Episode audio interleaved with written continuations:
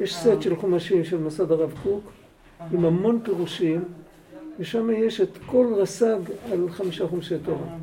אבל זה, זה, זה ספר, זה חצי מדף. מתווכח הרבה עם אחרים. כל החיים שלו היה, היה תקופה של, היה תקופה של ביקורת המקרא בזמנו. היה הרבה, גם האבן עזרא, האבן עזרא חי אחר כך, הוא ממשיך עדיין. התווכחו, היה אסכולה של מבקרי המקרא הרבה לפני שאנחנו מכירים בגרמניה, במאה ה-19, אני יודע. היה הרבה, היה, בזמנו של רב סעדיה גאון היה, היו מבקרי המקרא. היה אחד שחי בבלח, היום זה...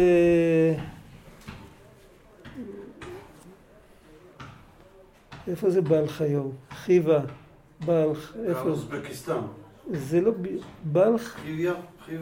חיבה זה באוזבקיסטן. הבלח זה, זה או אפגניסטן או, או משהו מעל זה שם, יותר צפונה. טאג'יקיסטן, קזחסטן, משהו. שם ישבו יהודים, לפני הכיבוש המונגולי היה שם המון יהודים. היהודים שהיום שם באו מפרס, לפני 400-500 שנה סך הכול. עד הכיבוש המונגולי היה שם מלא יהודים, קהילות גדולות, והרבה חכמים, והרבה פורקי עול. והגאונים והראשונים מאוד, היה להם עבודה קשה איתם. הם היו למדנים, הם היו למדנים. ו... הרריים. כן. בחלקם היהודים הרריים. לא, היהודים הרריים יותר מערבה. זה ארמניה. כן, הם יותר מערבה, הם, הם היו דתיים. הם היו יותר מרכז אסיה, לא קוקז. לא איפה שאתה היית. ושם היה מלחמת עולם. מה, נגד ההתפקרות? כן, זה לא, זה היה מלחמה של סופרים, של כתיבה. אלה כתבו ואלה ענו להם, ואלה ככה ואלה ככה. עם ישראל חי, ברוך השם. נשארנו, שרדנו. יש היום שני, יש לנו שתי, שתי כתובות איפה להתחיל. קודם כל, השארנו בפסוק ט"ז, בפרק ב', אבל מישהו העיר לי שדילגנו את ויחולו. אני לא יודע אם זה נכון, אני לא, לא הצלחתי להיזכר, אבל אה, נגיע לזה. אז אולי קודם בואו בוא נשלם את החובות הישנים. אני, כדי לא להתבלבל ולא לשכוח, רשמתי לי כמה מילים עליו ויחולו. וזה כמה פסוקים סך הכל, זה בדיוק מה שאנחנו אומרים בקידוש בליל שבת. ויחולו השמיים והארץ וכל צבאם. אה, אני רוצה להשלים, כן, וצריך צריך לחזור עליו ויחולו עוד פעם. במילים ויחולו השמיים והארץ וכל צבאם, במילה ויחולו יש שני משמעויות. דיברנו על זה קצת, אבל אני רוצה להסביר גם את הקשר בין שתי המשמעויות. יש משמעות אחת של ויחולו שהם נגמרו, ופירוש שני של ויחולו מלשון כלות הנפש וגעגועים.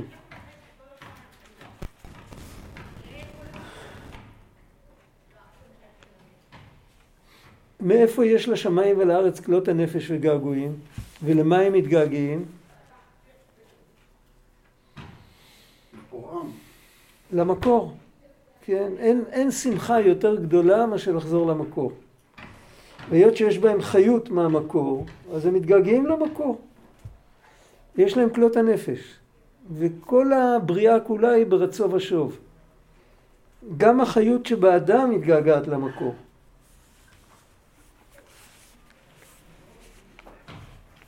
ועל ידי זה מקבלים יותר. ככל שאנחנו משתוקקים יותר, אנחנו חיים יותר ומקבלים יותר.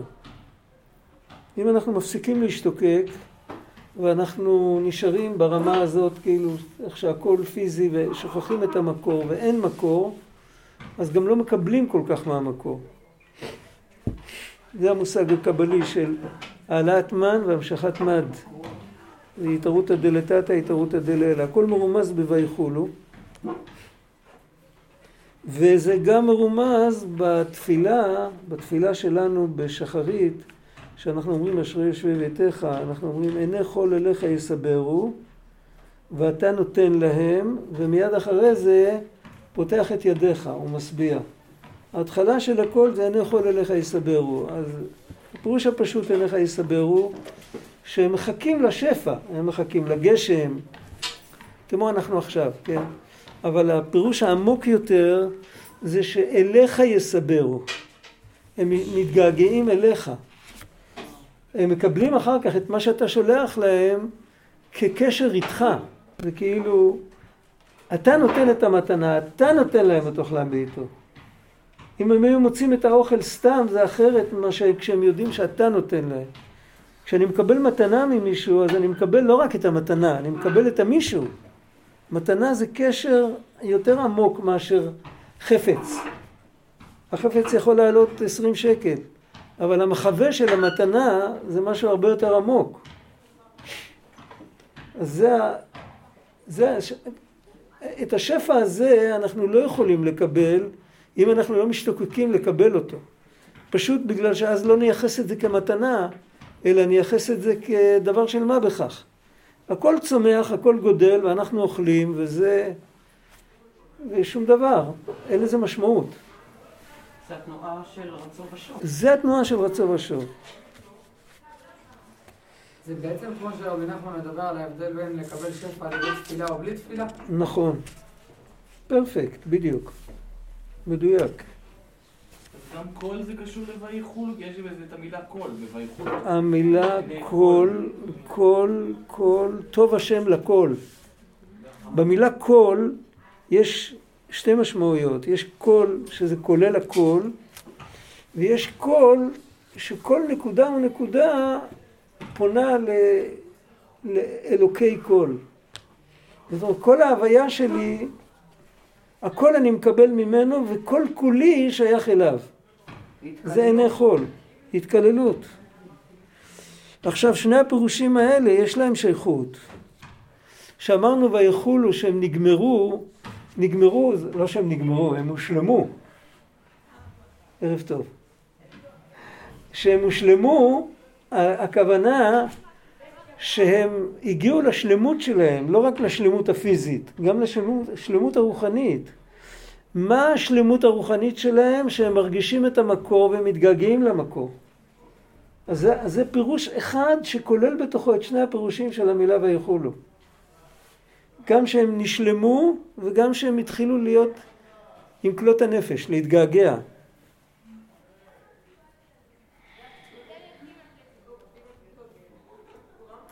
אבל אם זה מושלם, למה זה מתגעגע? עוד מעט, עוד מעט. את עולה כבר, את, את שייכת לכמה שורות הלאה, עוד מעט, עוד מעט נגיע. בדרך נפגוש את מה שאת אמרת.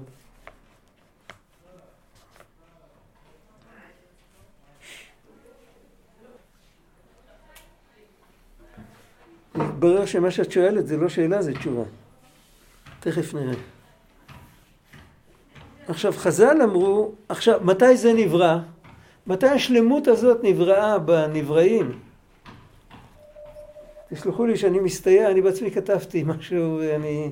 זה לא שייך להקריא את זה, כי זה ממש כתוב בקודים, אבל זה ארוך, אז פחדתי שאני אשכח.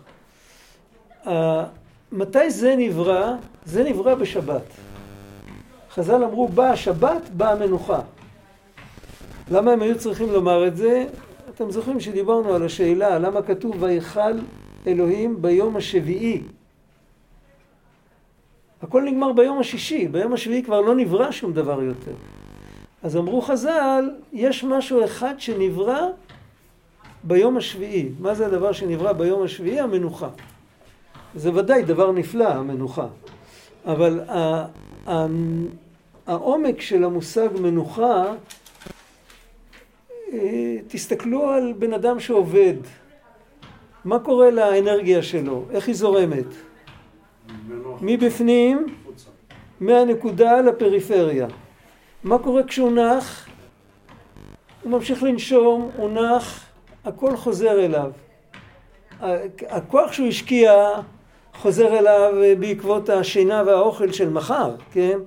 אבל התודעה והרצון להיות החוצה, כל זה נשאב חזרה פנימה, ועכשיו הוא חזרה, כל הכוחות האלה, אם נייחס להם אישיות לכוחות האלה, אז הם עכשיו שמחים שחזרו הביתה. אנחנו לא מייחסים להם אישיות, כי אין להם אישיות. אבל אם אנחנו מדברים על כל העולם כולו, כל העולם כולו נברא מאת הקדוש ברוך הוא, זה יציאה החוצה, זה מהמרכז אל הפריפריה.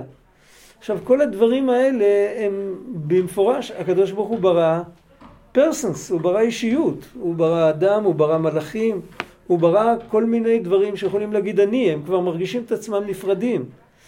כשהחיות שלהם חוזרת ומתקללת בו מבחינה תודעתית, לא שהיא חוזרת מבחינה זאת שהעולם מפסיק להתקיים.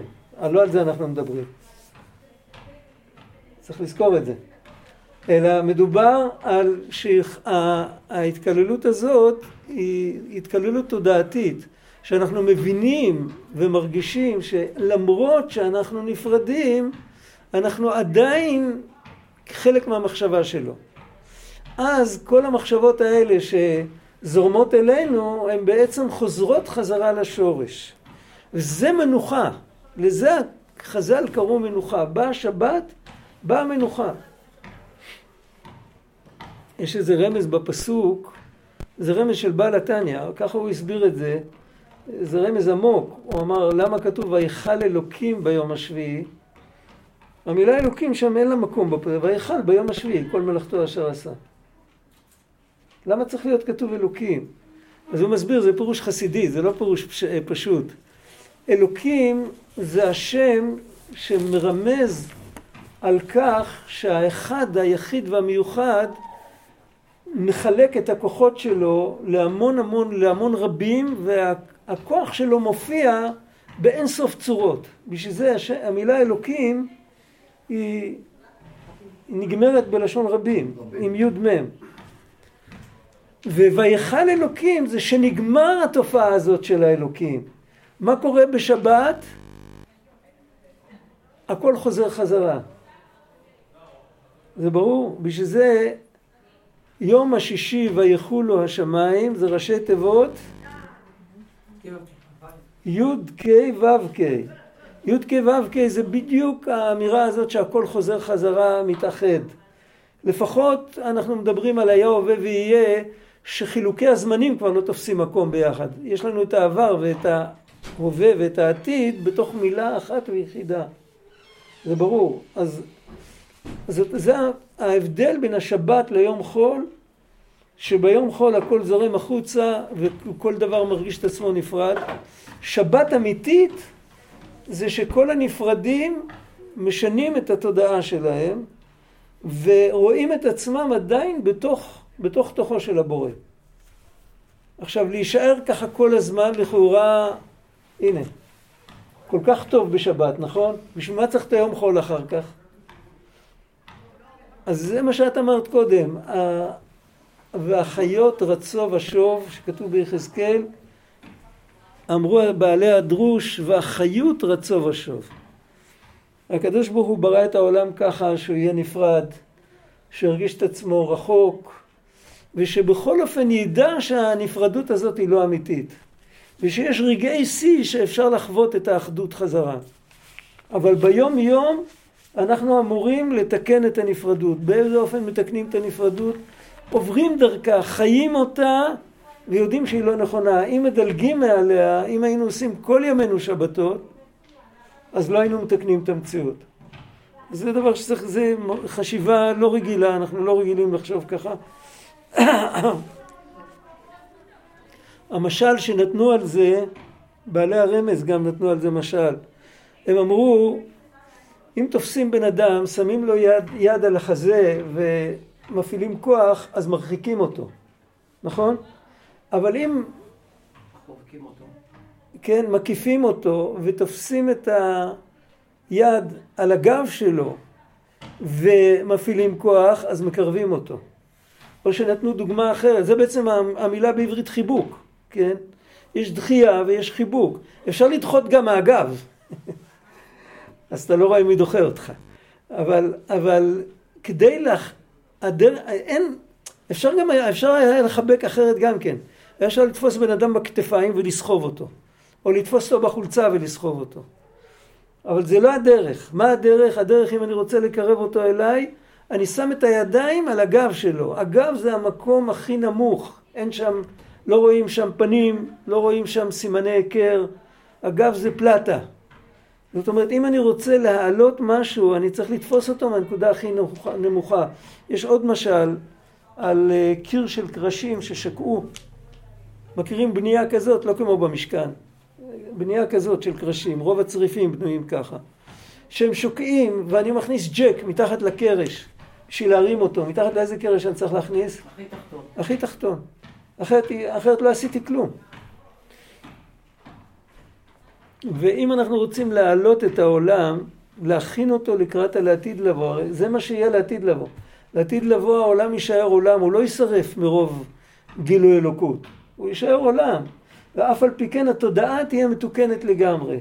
זה אנחנו עושים, את עיקר התיקון הזה אנחנו עושים ביום חול, לא בשבת. עם הכוח של שבת. בשבת אנחנו כאילו מחוץ לעולם. שבת מחזירים את המפתחות לקדוש ברוך הוא. אספר לכם סיפור. פעם סיפרתי אותו לפני אלף שנה, אבל זה לא היה אותם אנשים. יש בארצות הברית יהודי שקוראים לו רבי יואל כהן. מישהו שמע את השם הזה? מישהו מקורב לחב"ד שמע את השם הזה. מה? מי שמע? החויזר של הרבה, כן. הרבה היה יושב ומדבר שש-שבע שעות בקיץ, בשבת, בלי שום מכשיר הקלטה, שבת. והוא היה מוצאי שבת מתיישב, אותו כבר היו מקליטים. היה מתיישב וחוזר על הכל. אם מישהו היה מנסה לתקן אותו, אז היה אומר לו, זה חצי דף אחר כך, חכה. היה לו את הכל מסודר בראש, ככה. השם יאריך ימיו, הוא עדיין מלמד, יש לו תלמידים. והוא סיפר סיפור שהיה נוכח, והוא רצה לספר את הסיפור, זה היה סיפור מאוד מורכב. הוא רצה לספר את הסיפור כמה חשוב לחבק את כולם ולא לא לדחות, לא לדחות את אף אחד, אבל דרך אגב הוא סיפר סיפור הרבה יותר עמוק. הוא סיפר סיפור שקרה, הוא אומר היה יהודי בקליסק, קליסק זה בלרוס, עיירה קטנה, עיר, לא יודע, היום זה בטח יותר גדול. וקראו לו אברהם, ואנשים קראו לו אברום קליסקר. בדיוק היה צדיק, אחד מתלמידי המגיד, קראו לו רב אברום קליסקר, לפני 250 שנה. היהודי הזה חי אה, שתי דורות לפנינו, לפני 70 שנה הוא היה בחיים היהודי. יהודי לא דתי הוא היה, הוא, הוא מקליסק הוא ברח אה, איכשהו, הצליח לצאת משם לפני, לפני הנאצים. או אולי לפני הקומוניסטים, הוא הצליח לצאת משם, הגיע לאיטליה, ושם הוא, אה, מבחינה כלכלית, הוא מאוד אה, עלה והשתפר וזה, אחר כך הגיע לארה"ב, היה לו חנות גדולה, היה לו עסק, היה לו זה, את הילדים הוא שלח ללמוד בבתי ספר לא יהודיים, העסק שלו היה פתוח בשבת, ככה, אבל הוא היה ממשפחה חסידית, הסבא שלו היה חסיד, אז פעמיים בשנה הוא היה מגיע לאדמו"ר בניו יורק, ל- לרבי יוסף יצחק, לאדמו"ר הרייץ, היה מגיע אליו. למה פעמיים בשנה? פעם אחת י"ט כסלו, הוא חסיד, צריך להגיע לי"ט כסלו. ופעם שנייה, אה, לתקיעת שופר. תקיעת שופר צריך לשמוע מהרבה. היה מגיע, ו...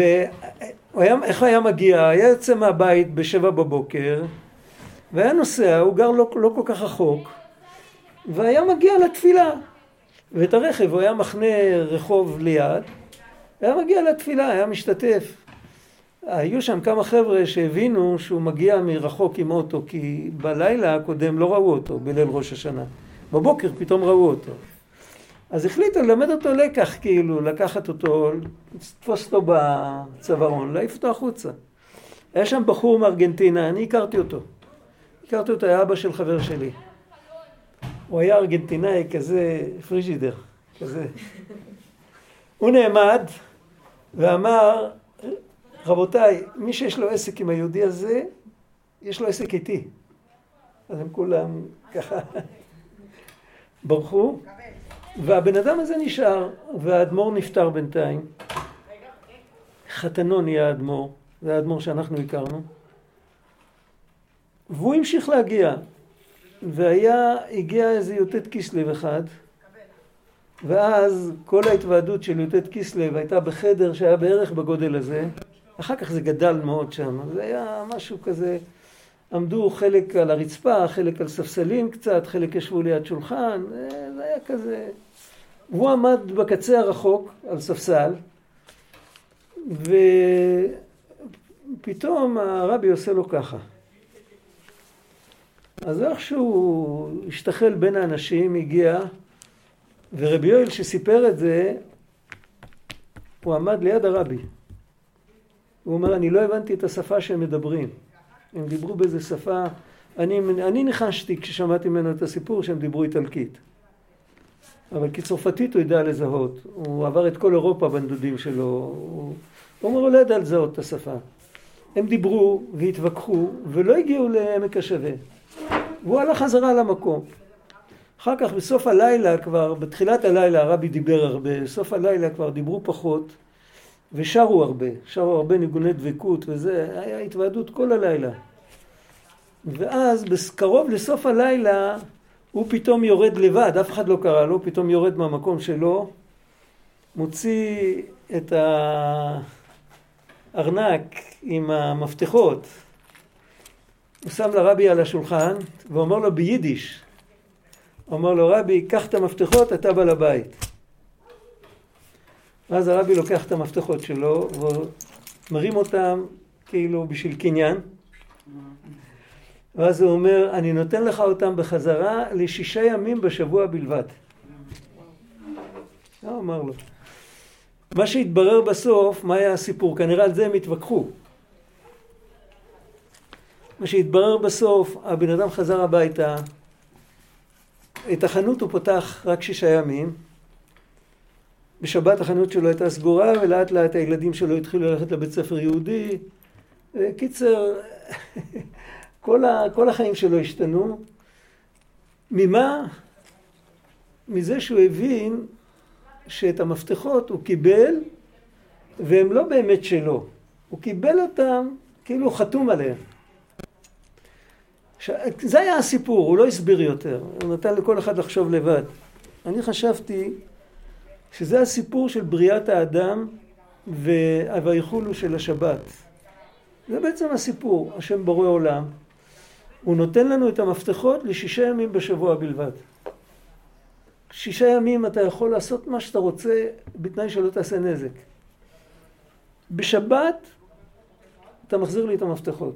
אפילו אם אתה לא יכול להחזיר לי אותם פיזית, אתה לא יודע איפה אני, אבל בשבת, שבת זה אקס טריטוריה, זה אתה, אתה לא שליט על העולם בשבת. בזה אפשר להבין גם הרבה דברים בהלכות שבת. בהלכות שבת מי, ש, מי שמקלקל הוא פחות מקל, מחלל את השבת מאשר מי שמקלקל. מתקן. מי שמתקן. כי לקלקל אם אני, אם אני שובר לך חלון, אם אני שובר לכם חלון, זה לא אומר שאני גנבתי לכם את הבית. זה אומר שאני חוליגן ואני שובר חלונות. אבל אם אני אבוא אליכם הביתה ואני אתחיל לתקן חלון בלי רשות, אז אני אומר שהבית הוא שלי. זה ברור. אם בן אדם הולך לעשות תיקון בעולם בשבת, זה כאילו שהוא בעל הבית. אם הוא מקלקל, אוי ואבוי לו, אסור לקלקל גם באמצע השבוע. אבל זה לא, הוא לא מייח... הוא פשוט... הוא לא... הוא לא מאופס. אבל מי שהולך לתקן, אם הוא מתקן בשבת, זאת אומרת, הוא אומר, בשבת, זה שזה אני, אני בעל הבית. אני לא מחזיר את המפתחות אפילו יום אחד בשבוע. זה סיפור שנותן לנו איזושהי הסתכלות על ויכולו, אבל מצד שני, אנחנו נראה את זה עוד מעט בפסוקים שאנחנו אמורים ללמוד, פסוק ט"ז, אני רק חוזר עליו ויכולו. אה, אנחנו מקבלים את המפתחות כדי שנעשה עם זה משהו. בסוף ויכולו כתוב אשר ברא אלוקים לעשות. לעשות. אנחנו לא קיבלנו את זה כדי שנשב ככה. יש לנו תפקיד בעולם, והתפקיד שלנו הוא לעשות עם תודעה שהמעשים עוברים דרכנו וזה לא אנחנו. זה לא עבודה קלה, הרבה יותר קל לשבת ככה ולא לעשות כלום ולהגיד שהכל עובר דרכי. זה ניסיון. הניסיון הכי קשה של האדם זה שלא יגיד כוחי ועוצם ידי.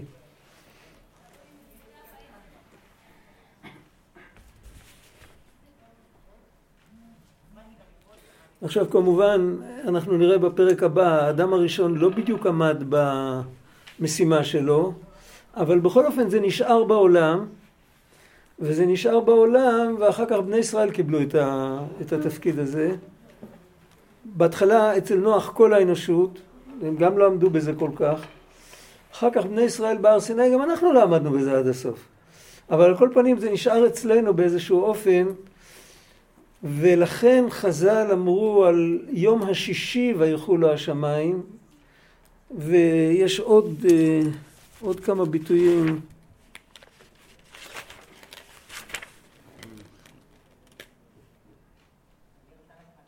למה... לא, לא, השישי באמת, זה כתוב לפני ה"ויחולו", ויהי ערב ויהי בוקר יום השישי, הם אמרו שזה מרמז על שישי בסיוון שנתנו את התורה.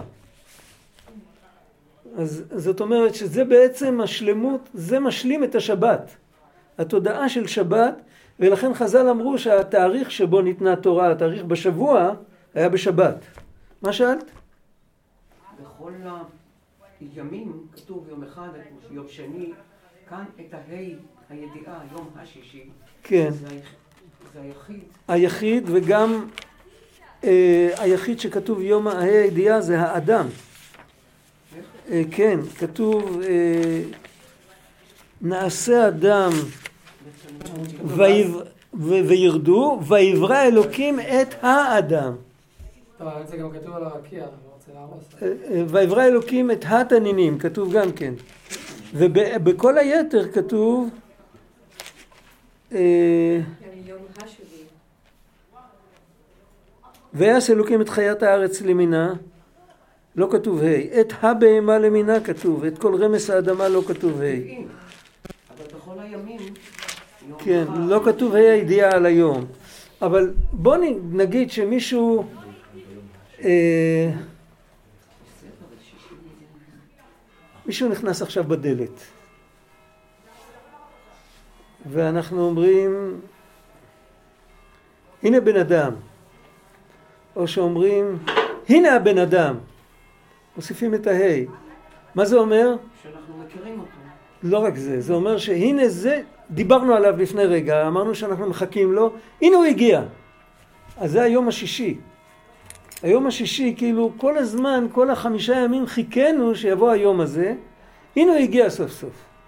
על זה חז"ל אמרו שהכוונה הייתה באמת, או באורגינל זה היה הכוונה ליום שבו נברא האדם, אבל היות שהוא קלקל, אז הכוונה, עכשיו אנחנו מבינים שהייתה הכוונה ליום השישי בסיוון, שבו ניתנה תורה. מה עוד רשמתי פה?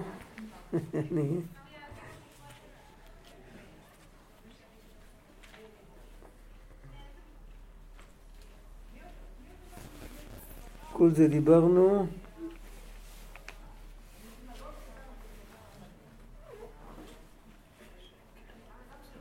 אוקיי, עכשיו, אה, מה התכלית באמת? עכשיו אני הולך למה שאת אמרת. מתי יש יותר תכלית? בשבת או ביום חול? בן אדם או הקדוש ברוך הוא? כאילו, באמת, זו שאלה. כאילו, כי נראה ששישה ימים של הבריאה זה האדם שיש לו תכלית, ובשבת הקדוש ברוך הוא יש לו תכלית. ב- אפשר להגיד גם הפוך. תחשבי רגע, אפשר להגיד הפוך. מבחינת האדם, התכלית שלו זה השבת. הוא רוצה להיות דבוק בהשם. הקדוש ברוך הוא רוצה את האדם למטה, אחרת הוא לא היה שולח אותו למטה. זאת אומרת, גם אם בן אדם הכל טוב לו, וממש הוא מגיע לתודעה מאוד עמוקה ומאוד, הוא כאילו, הוא באינסוף, הוא צריך לדעת שזה לא התכלית. זה כמו, אה, מי שזוכר, אה, טוב, אולי זה, לא, אולי זה לא דבר שמכירים כל כך. יודעים מה זה נקרא ליישר קו? כן. מה קורה אם לא מיישרים קו? ליישר קו זה, זה כש, כשמתפרסים על שטח ורוצים לכבוש יעד אז, ו, ומתקדמים, אז אם אחד מתקדם יותר מכולם, יורים בו. אז יורים בו. צריך באיזשהו מקום לתפוס, לתפוס את הטופוגרפיה. זה לא תמיד יישור קו, בצורה, אבל, לא, אבל בצורה כזאת שאף פעם אתה לא תהיה בין היורים מאחוריך לבין המטרה. אז המושג הזה של יישר קו, זה לימדו אותנו כשהיינו בני 18. אבל המושג הזה יש לו ערך בחיים, לכל אורך הדרך. עם ישראל צריך תמיד ליישר קו עם כל, כל הפרטים שלו. לא להשאיר, לימדו אותנו עוד דבר, שלא משאירים פצועים בשטח. זה עוד נקודה, זה גם סוג של יישור קו. שאנחנו כולנו יחד.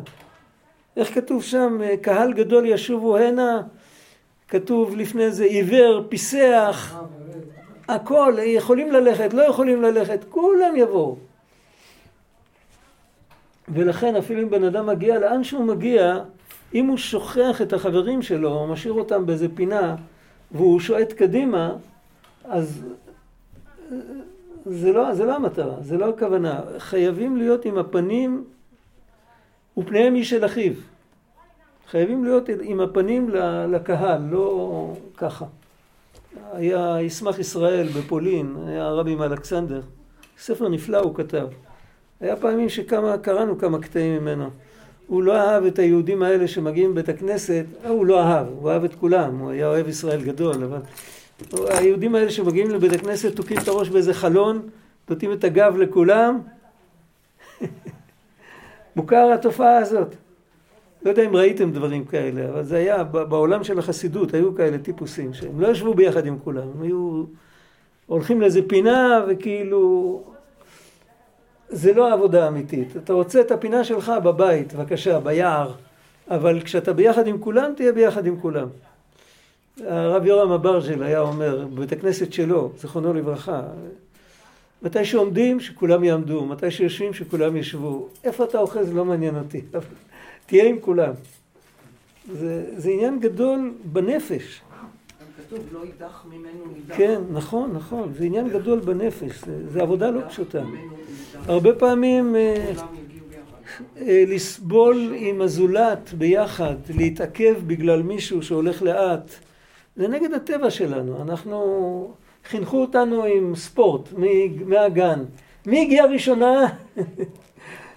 ככה, זה, זה מה שנתנו לנו כל הזמן, וזה לא נכון. כן. יש מקרים... אה, בוא הנה, מה ברחת? אני לא, אני יודע. כשאתה מדבר לא תירדם, אל תפחד. יש מקרים שההבדלים הם ממש גדולים, ואתה כן. מפחד, אם אתה תהיה איתו, אתה... אתה לא, לא אתה צריך להיות איתו, ההתעניינות שלך צריכה להיות איתו. תן לו את החיוך, אל תיתן לו את עצמך. אתה במקום שלך, אחרת אם אתה נותן לו את עצמך, אתה נכנס למערבולת. מה זה חיוך? זה ערבית, מה זה חיוך? חיוך זה תשומת לב. אני נותן יד למישהו במערבולת, אבל עם הרגליים אני צריך להיות מחוץ למערבולת. אם אני נכנס עם הרגליים למערבולת, אני לא יכול להוציא אותו. אנחנו נותנים יד אחד לשני, אבל לא מתערבבים. זה צריך, זה לימוד גדול. זה לימוד גדול. אתה הערת נקודה חשובה. זה לימוד גדול. אם לא יודעים איך עושים את זה, צריך הרבה להתפלל, שיפול איזה אסימון. אתה יודע מה? צריך להיות יצירתי.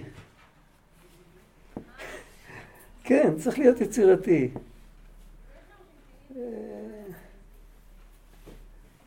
תחשבו על אחד שיש לו ילד קטן בן שלוש, שהוא חולה ממתקים, והוא בכל, בקושי בקושי מצליח לגמול אותו, ויש לו סבתא נודניקית, שאיך שהוא מגיע אל הסבתא, היא ממלאה אותה עם ממתקים.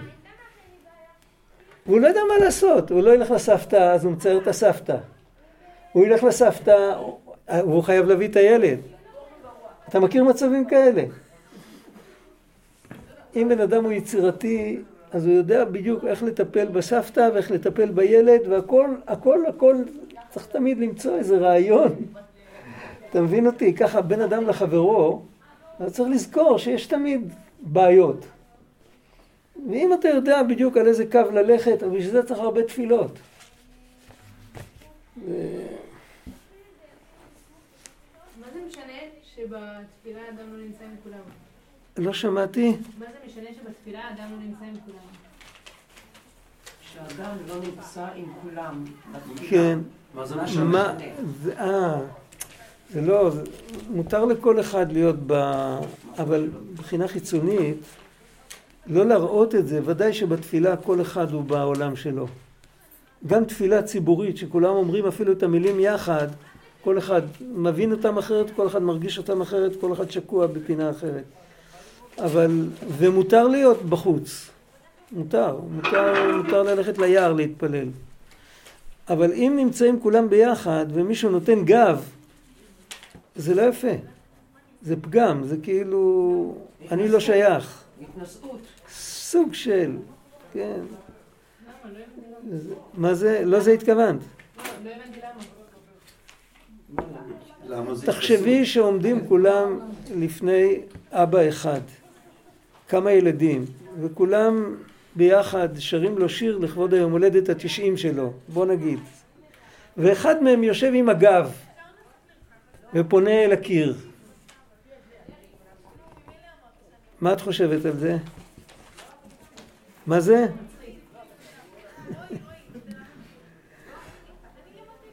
יש בזה אמירה, יש שפת הגוף. אתה יודעת מה זה שפת הגוף? יש אמירה, ב, ב... רואים שני אנשים יושבים יחד, אז רואים בדיוק, מי שיודע, מי שמבין קצת, יש לו קצת אינטואיציה, הוא רואה מה טיב היחסים ביניהם. יש לפעמים שיושבים, אני יושב, אני מדבר איתו, אני מדבר איתו ככה. אז המושג של ציבור, המושג של ציבור זה, זה מושג של אחדות, של התקללות, לא של אה, איש דרכו טעינו. כמובן, יש לכל אחד את השעות שהוא לבד, וזה חיובי לגמרי, אבל לא, לא ככה. ויש מצב גם שהפרט אה, שיוצא מהכלל הוא רומז על הכלל כולו. זאת אומרת, לפעמים אה, יכול להיות שהוא שם את הגב בגלל שפגעו בו, בגלל שהוא מרגיש לא בנוח, לא בבית, ואז הוא דווקא אמיתי. הוא לא חייב, הוא אמיתי, אבל הוא לא חייב להראות את זה, הוא לא חייב להיות פה. זה יכול להיות במקום אחר. פגעו בך, אתה עדיין לא יודע לא להיפגע, אז תלך למקום אחר. אבל מה אתה צריך להיות פה ולהפגין שפגעו בי? בסדר, יש... אה, תלך להייד פארק. שם אפשר להפגין למה פגעו, למה פגעו בך. אבל לא בבית כנסת. לפעמים הוא סתם סוציומט. הוא לא מודע. לא, לא, הוא ידע עם מי הוא מדבר, זה לא... טוב, בוא נראה, אנחנו פסוק ט"ז נשארנו. בוא נראה מה שנצליח להבין מהכמה פסוקים האלה. ויצב השם אלוקים על האדם לאמור, מכל עץ הגן אכול תאכל. ומעץ הדעת טוב ורע לא תאכל ממנו כי ביום אכולך ממנו מות תמות. אכול תאכל זה נשמע כמו ציווי. וזה פשטות זה לא הכוונה. זה כמו שאומרים, אתה רוצה תאכל. אבל למה זה כתוב ככה ולמה זה כתוב פעמיים? אותו דבר יש לנו בעוד מקומות, אה, איך זה מופיע, ששת ימים תעשה מלאכה וביום השביעי תשבות. אז גם שם הכוונה, אתה רוצה, תעשה מלאכה, אתה לא חייב. אף על פי כן חז"ל אמרו ששת ימים תעשה מלאכה זה מצווה. ככה חז"ל אמרו, זה לא מצווה בתרי"ג, אבל זה כאילו הבן אדם שלא יהיה הולך בטל, שיהיה לו איזה עיסוק. ואותו דבר פה, יש איזה מצווה, יש כאן מצווה, מה המצווה? קודם כל, תאכל, אל, תהיה, אל תסתגף ואל תעשה טובות לאף אחד. עכשיו, באכ- באכילה עצמה זה בירור, אכילה זה תהליך של בירור. ובן אדם לא יכול להיות ניזון מהאוכל כפי שהוא. הוא חייב ללעוס אותו, זה חייב להתפרד, זה ממשיך אחרי הלעיסה, זה ממשיך להתפרק ולהתפרק עד שזה הופך להיות נוזל, עד שזה נהיה כל כך עדין שזה נספג דרך אברי העיכול, דרך הדפנות שלהם. החלק הגס יוצא החוצה והחלק הד... החלק העדין נספג באיברים שהופכים את זה לדם. זה, זה בירור. וזאת אומרת, בעצם האנרגיה שיש בתוך האוכל, היא הופכת להיות האנרגיה של הבן אדם. קודם האנרגיה הזאת הייתה, היא, עם האנרגיה הזאת נוצר תפוח אדמה או עגבנייה או, או מלפפון. עכשיו האנרגיה הזאת היא משרתת אדם, היא נותנת לו לחשוב ונותנת לו פונקציות שיש, הפונקציות האלה זה האינפורמציה של הגנים שלו. אין אותם בגנים של המלפפון ושל העגבנייה. יש כאן איזשהו סוג של נס. יש כאן בירור לברר דבר עמוק שהיה בתוך משהו נמוך ועכשיו הוא השתחרר והוא עלה ל... ל... והוא יכול להתבטא. זה ברור? זה כמו פדיון שבויים. זה ברור מה שהסברתי? אני אולי לא הייתי מספיק ברור, אני יכול לחזור על זה עוד פעם. מה עם חי? גם אותו דבר. רק-? אך בחי יש את אותו דבר, רק את רוב החיות האלוקים אסר על בני ישראל. רוב רוב מכריע. מ, מ, אני לא יודע כמה סוגים של זה, אז uh, יש לזה, יש לזה, אנחנו נדבר על זה. אבל גם את כל החיות הוא אסר להם. הוא התיר להם את זה רק במבול. אבל הדומם והצומח, והדומם אין כל כך מה לאכול, חוץ מלשתות מים. מה, מה אמרת? מה המטרה של הפדיון שבויים הזה? אתה מדבר נורא יפה. על תכף. נראה, תכף נראה, תכף נראה. תכף נראה שיש לזה מטרה. אנחנו לא לומדים קבלה עכשיו. כן, כן, לא לומדים קבלה, תכף נראה. לפי הפשט, העולם נברא בשביל האדם? כן, יפה. האדם נברא בשביל לעבוד את השם? כן. נכון, יופי. עם איזה כוח הוא עובד את השם? עם הכוח של האוכל. זאת אומרת, בזה שבן אדם נברא כך שהוא זקוק לאכול, הוא משתף את האוכל בעבודת השם שלו. נכון? זה כוונת אכילה לפי הפשט הפשוט, לא לפי הקבלה. לאכול כדי לפרגן לצמח את היכולת לעבוד את השם. איך צמח יכול לעבוד את השם? הוא יכול לשיר שיר להשם, אבל הוא לא יכול לעבוד את השם. הצמח, האנרגיה שיש בצמח היא נכנסת באדם, בעל בחירה, שיש לו התמודדויות, ויש לו אכזבות, ויש לו כאבים, וכל הדברים האלה אין אותם באף מקום. התמודדויות כאלה אין לא בדומם, ולא בצומח, ולא בחי, ולא במלאכים, ולא בעולמות עליונים. המקום היחיד מכל העולמות שיש את כל הקונפליקטים ואת כל ההתמודדויות האלה זה באדם, והאדם לוקח את האנרגיה של החי ובעזרתו מתגבר על כל ההתמודדויות שלו ועובד עם, עם הכוח שהוא קיבל, עם החי, עם הצומח, עם הדומם, עם, ה, עם האוויר שהוא נושם, עם האור שהוא רואה, עם כל זה הוא עובד את השם. הם מצידם לא יכלו לעשות את זה, זה חייב לעבור דרך האדם. ובשביל זה כתוב בחסידות שהאדם, הלב של האדם זה המזבח והאוכל זה הקורבן. זה ברור? זה נקרא אכול תאכל. עכשיו, כל אוכל זה בירור. ההסבר הקבלי של בירור הניצוצות הוא ממש זהה להסבר הזה, רק הוא במישור הרבה יותר עמוק. אבל קודם כל יש את זה במישור הפשוט. אבל לפי מה שאתה אומר, אז אנחנו עובדים בשביל הלב. אם אנחנו- המזבח הוא הלב, אה, אה, אוכלים כדי שהלב יוכל לעבוד את השם. אבל לא שהלב זה התחנה האחרונה. זה מלחמה בין הלב למוח, אז הלב ניצח. לא, זה לא, אני לא מדבר בכלל על מלחמה בין הלב למוח. זה, זה עוד סיפור, זה לא שייך כרגע. לא. באמת, לא רלוונטי. זה לא רלוונטי. אז למה המזבח? לא, לא, זה לא רלוונטי, זה לא, ממש, אתה קט עכשיו מסמר במקום לא נכון. זה לא, אין, אין לי אפילו זמן להסביר עד כמה זה לא רלוונטי. את יכולה, את יכולה להסביר למישהו את ההבדל בין סתירה ללטיפה, או בין יום חול לשבת, אבל את לא יכולה להסביר את ההבדל בין סתירה לשבת. זה כל כך לא שייך שני הדברים האלה. מה שאת אמרת עכשיו, מה שאנחנו דיברנו, זה על מישור אחר לגמרי. זה לא, לא מתקרב בכלל. צריך לדבר על זה בנפרד, ואז אפשר... זה עוד סוגיה, ואחר כך אפשר לעשות את ההשוואה, מה דומה אל מה לא דומה, אבל כרגע זה כל כך רחוק. זה לא, אני לא מדבר בשפה הזאת בכלל. אני מדבר עכשיו, מדבר על הלב, אני מדבר על הלב כפשוטו, על הלב בתור משאבה של דם, שהיא צריכה להחזיק את הגוף, זה יכול להיות גם המוח באותו, באותו עניין, ובאותו הקשר. והנקודה היא שכל היצור הזה, עם המוח ועם הלב ועם הכל, הוא יצור שיש לו בחירה ויש לו התמודדויות, ובעזרת הדברים הפשוטים, הפשוטים, הם באמת פשוטים, אין להם התמודדויות, אין להם קונפליקטים, אין להם כאבים, אין להם בחירה. אין להם טוב ורע, אין להם שכר ועונש. בעזרתם אנחנו עוברים את המשוכה שלנו ואנחנו מתקרבים לקדוש ברוך הוא. ובזה אנחנו מעלים אותם. בזה הם, הם מגיעים לתכלית שלהם. התכלית שלהם זה להתלוות אל האדם ולעזור לו.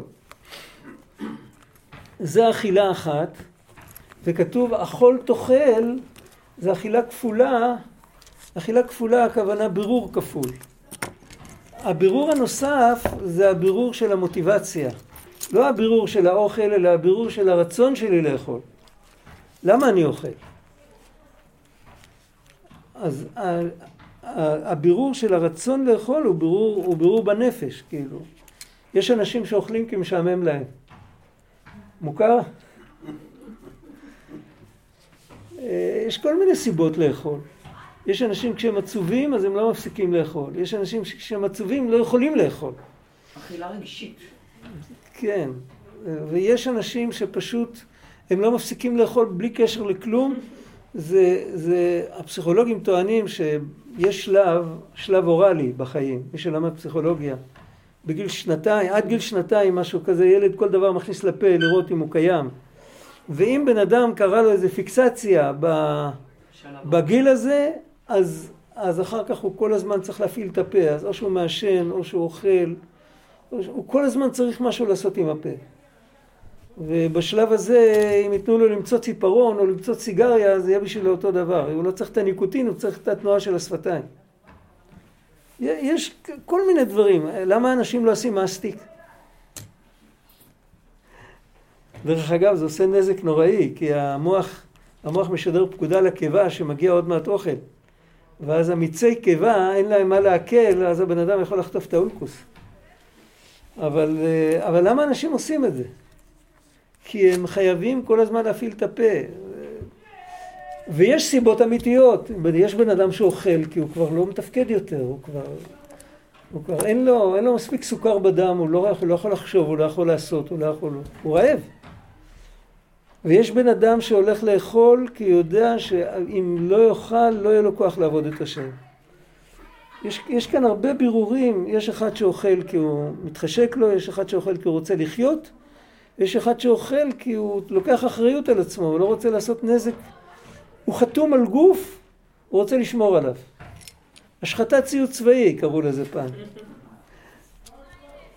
בזמננו חייל עם נעליים קרועות היה עולה למשפט. היו קונסים אותו, היו לוקחים ממנו כסף.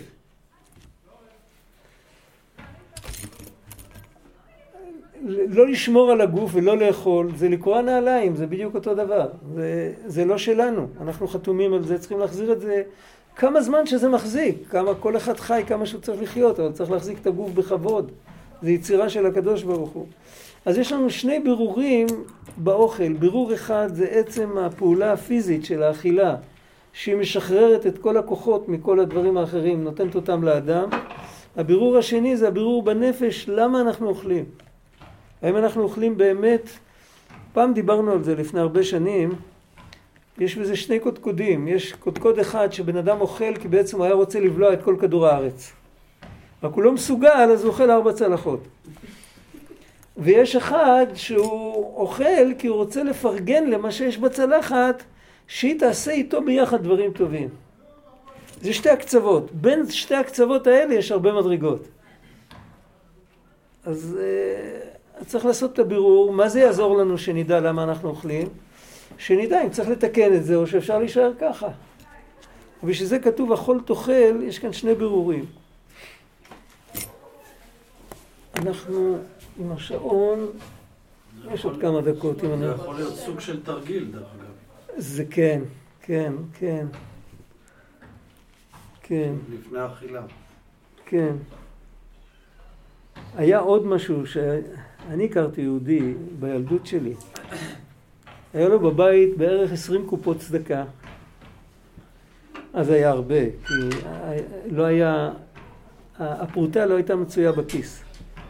זה כבר היה בן אדם מבוגר שהוא כבר לא יכל להתפרנס יותר בכוחות עצמו, והוא היה צריך שהילדים שלו יעזרו לו. אף על פי כן, לפני שהיה הולך לאכול, הוא היה שם משהו בכל קופה.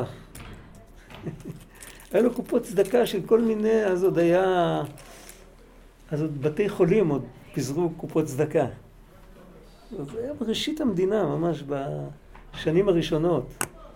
לא היה כמו היום, תקציבים ועם זה, כל מיני חברות, ביקור חולים, הכנסת אורחים, בתי מדרש, אה, ובכל כל דבר היה קופות מפח, לא היה קופות מפלסטיק. זה היה סיפור. כל ד... הוא לא היה הולך לאכול עד שהוא לא שם איזה משהו בכל קופה. אז היו פרוטות. זה היה... זה גם סוג של בירור. זה כאילו, אני... אני אומר תודה, אני לא לוקח את הכל לעצמי. זה, סוג, זה דומה להפרשת מעשר משהו כזה. עכשיו, הפסוק אחרי זה, ומעץ הדעת טוב ורע לא תאכל ממנו. באיזה אופן זה כתוב? כתוב אל תאכל ממנו? לא, לא. לא תאכל ממנו. הרבה פעמים השלילה והאיסור מופיעים בתנ"ך באותו סגנון. בטבעות הארון, בטבעות הארון יהיו עבדים, לא, לא יסורו ממנו. ודאי שהכוונה זה שאף אחד לא יסחוב את זה, לא, לא יוציא את זה. יוציאו את זה, זה יאבד. אבל זה לא כתוב אל תסירו אותם ממנו, אלא לא יסורו ממנו. מדברים על החפץ ולא על הבן אדם. הדיברות, לא תגנוב, לא תגנוב. כן, כתוב לא תגנוב. אפשר להגיד לא תגנוב, אל תגנוב, אפשר להגיד לא תגנוב. אם תשמע בקולי, אתה אף פעם לא תגנוב. תמיד ככה. עכשיו, מה שני ה... שני ה... זה שתי מדרגות. יש מדרגה אחת שבן אדם עדיין שייך לעשות את הרע, אז אומרים לו אל תעשה. אבל אם הוא הרבה זמן נמנע מלעשות את הרע, והוא גם מלווה את זה עם תודעה, הוא מבין למה הוא לא עושה את זה, בסוף הוא מגיע למקום שהוא באמת לא שייך לעשות את זה, זה הופך להיות מופרך אצלו. וכי ביום אכולך ממנו מות תמות, זה ודאי לא הכוונה שעל המקום באותו יום הוא ימות. הוא חי כמה מאות שנים. הכוונה, הרב הירש כותב בפירוש שלו, איך שהוא כתב את זה, היום יש את זה בתורגם בעברית, זה כתוב קצת אחרת, אבל בפירוש שלו בגרמנית, מי שיודע כאן גרמנית, הוא כותב שיתחיל הגשטורבט, איך הוא אומר? גשטורבלישקייט. התהליך ש, שבסופו מתים. אז הוא אומר, על ידי, אם, אם תאכל ממנו, בסוף תגיע למוות. הוא מעריך שם להסביר את זה, אבל מה זה העניין הזה של העץ הדעת טוב ורע? הסברנו את זה כן פעם. מה זה, מה זה העץ הדעת טוב ורע? מה הוא מלמד אותנו? שיש טוב ויש רע. העץ הזה הוא דוגמה, הוא דוגמה למצוות שניתנו לישראל בהר סיני. יש בו את כל היסודות של מצווה. קודם כל, זה איסור אכילה. זה תמיד הבדיל בין יהודים לגויים, שהם לא אכלו יחד. זה איסור אכילה, והאדם שמע את זה מהשם, חווה עוד לא הייתה. אחרי שחווה נבראת, הוא מספר לה איך אנחנו, זה ממש תורה שבעל פה. יהושע עומד לדור שנכנסים לארץ ואומר להם, היה פעם נביא שקראו לו משה, שהוא אמר לי לעשות כך וכך. ואחר כך עומד שם אה, אה, פנחס או אלעזר הכהן או מישהו ואומר לדור הבא, לפני שאתם נולדתם היה פה נביא שקראו לו יהושע והוא קיבל ממשה שצריך לעשות כך וכך. זה ממש תורה שבעל פה. ככה אמרו לחווה, לפני שנולדת, אמרו לי שבעץ הזה אסור לנגוע. אז יש לנו תורה שבעל פה, איסור אכילה, עד היום אנחנו נופלים בדברים האלה. ש, שלא, אנחנו, בא לנו לאכול משהו ואנחנו לא מוצאים במפורש בפסוק שזה אסור. אנחנו אומרים, מה, תעזוב אותי עם הדתיים האלה, זה קשה, זה לא זה. לא זה. היה בזה גם פיתוי גדול.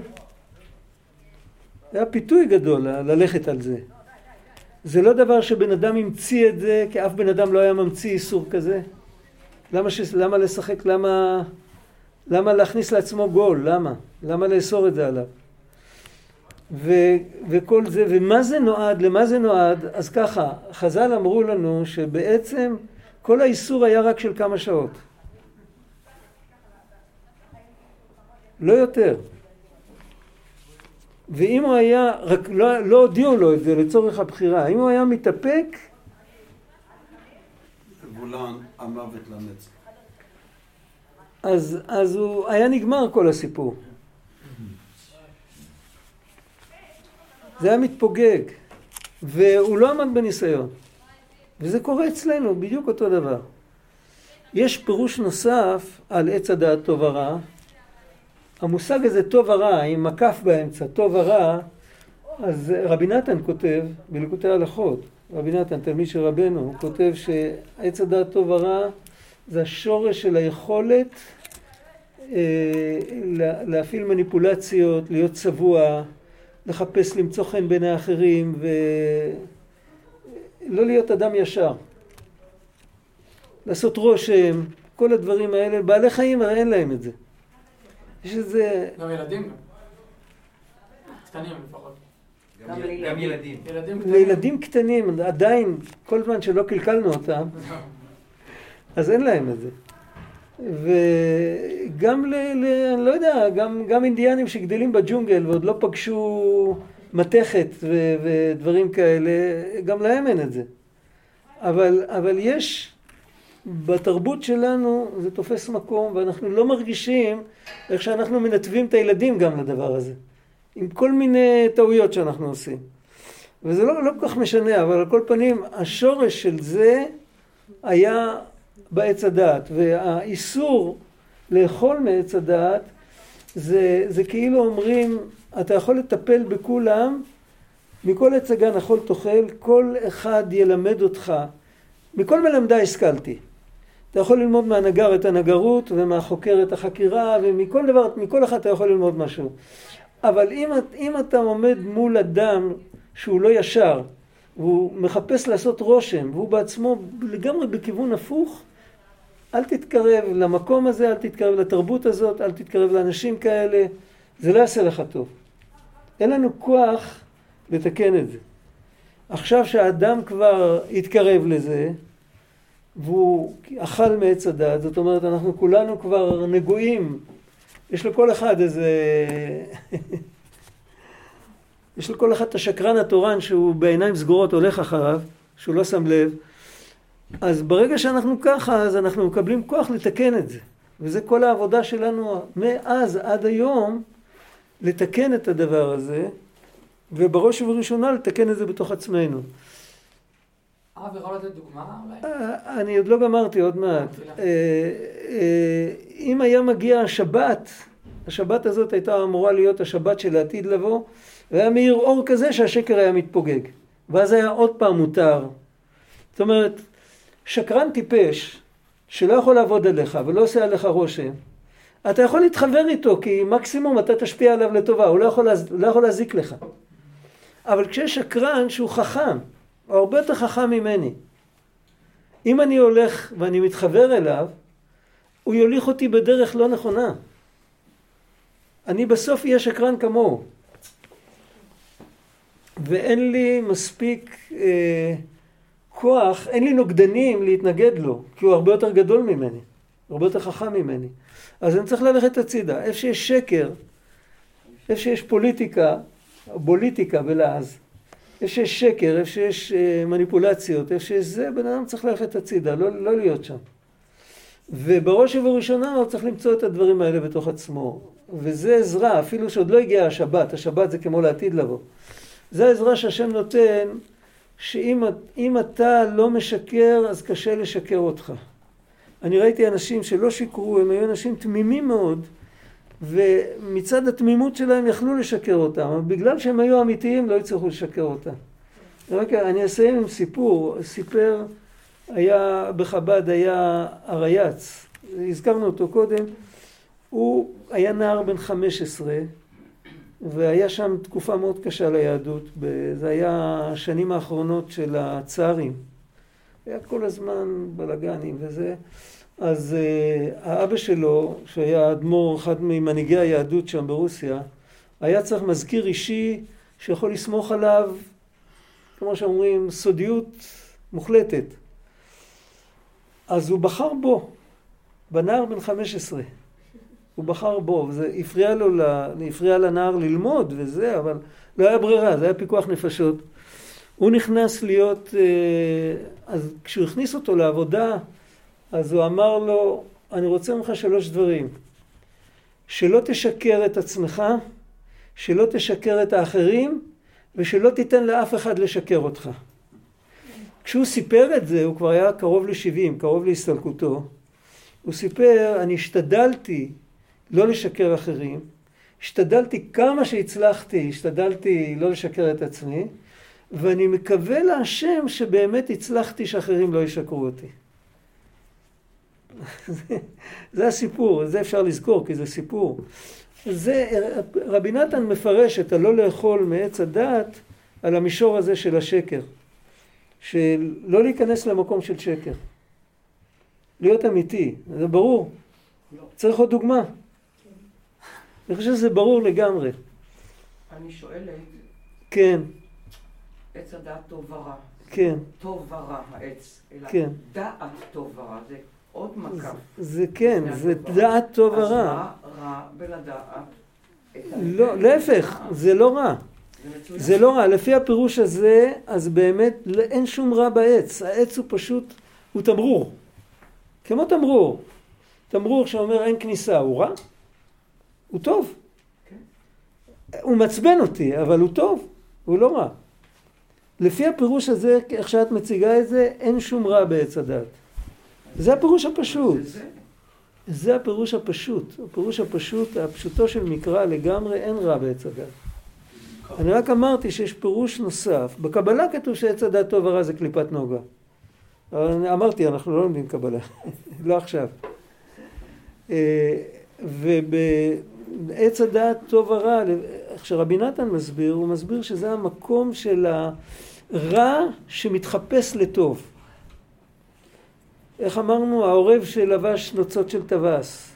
טווס זה דבר טוב, עורב זה דבר טוב, אבל עורב שלו לובש נוצות של טווס זה דבר גרוע. השקר הוא גרוע. הצביעות, הוא בעיקר מדבר על צביעות.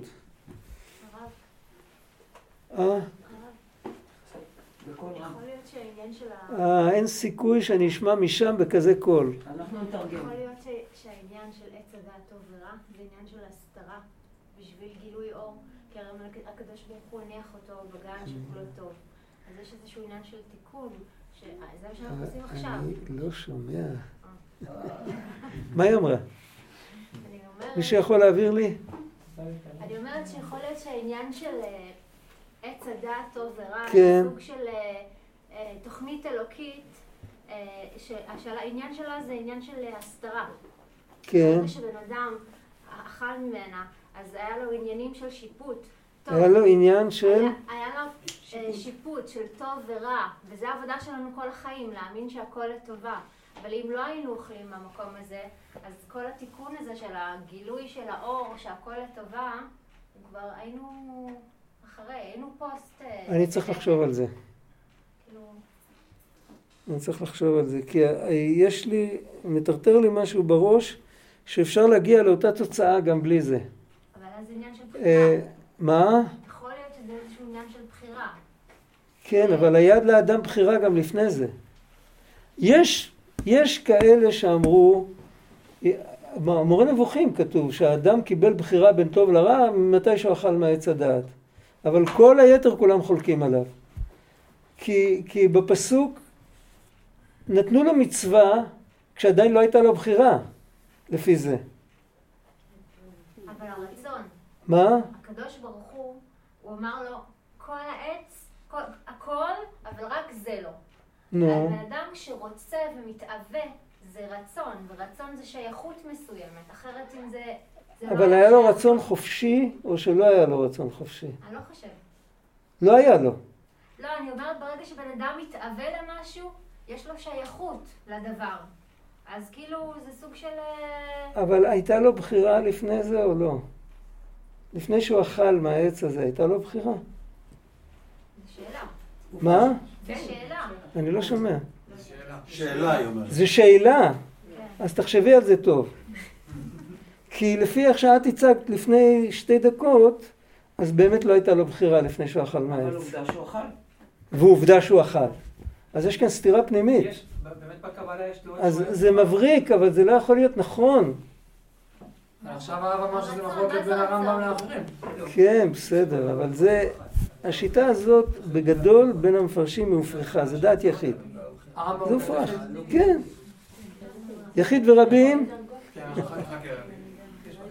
אני לא הזכרתי את זה אפילו כאופציה, את השיטה הזאת. כי זה קשה בפשט. יש בפירוש שלך הרבה רצון טוב. אם הוא אמת, אני לא יודע, צריך לחשוב על זה.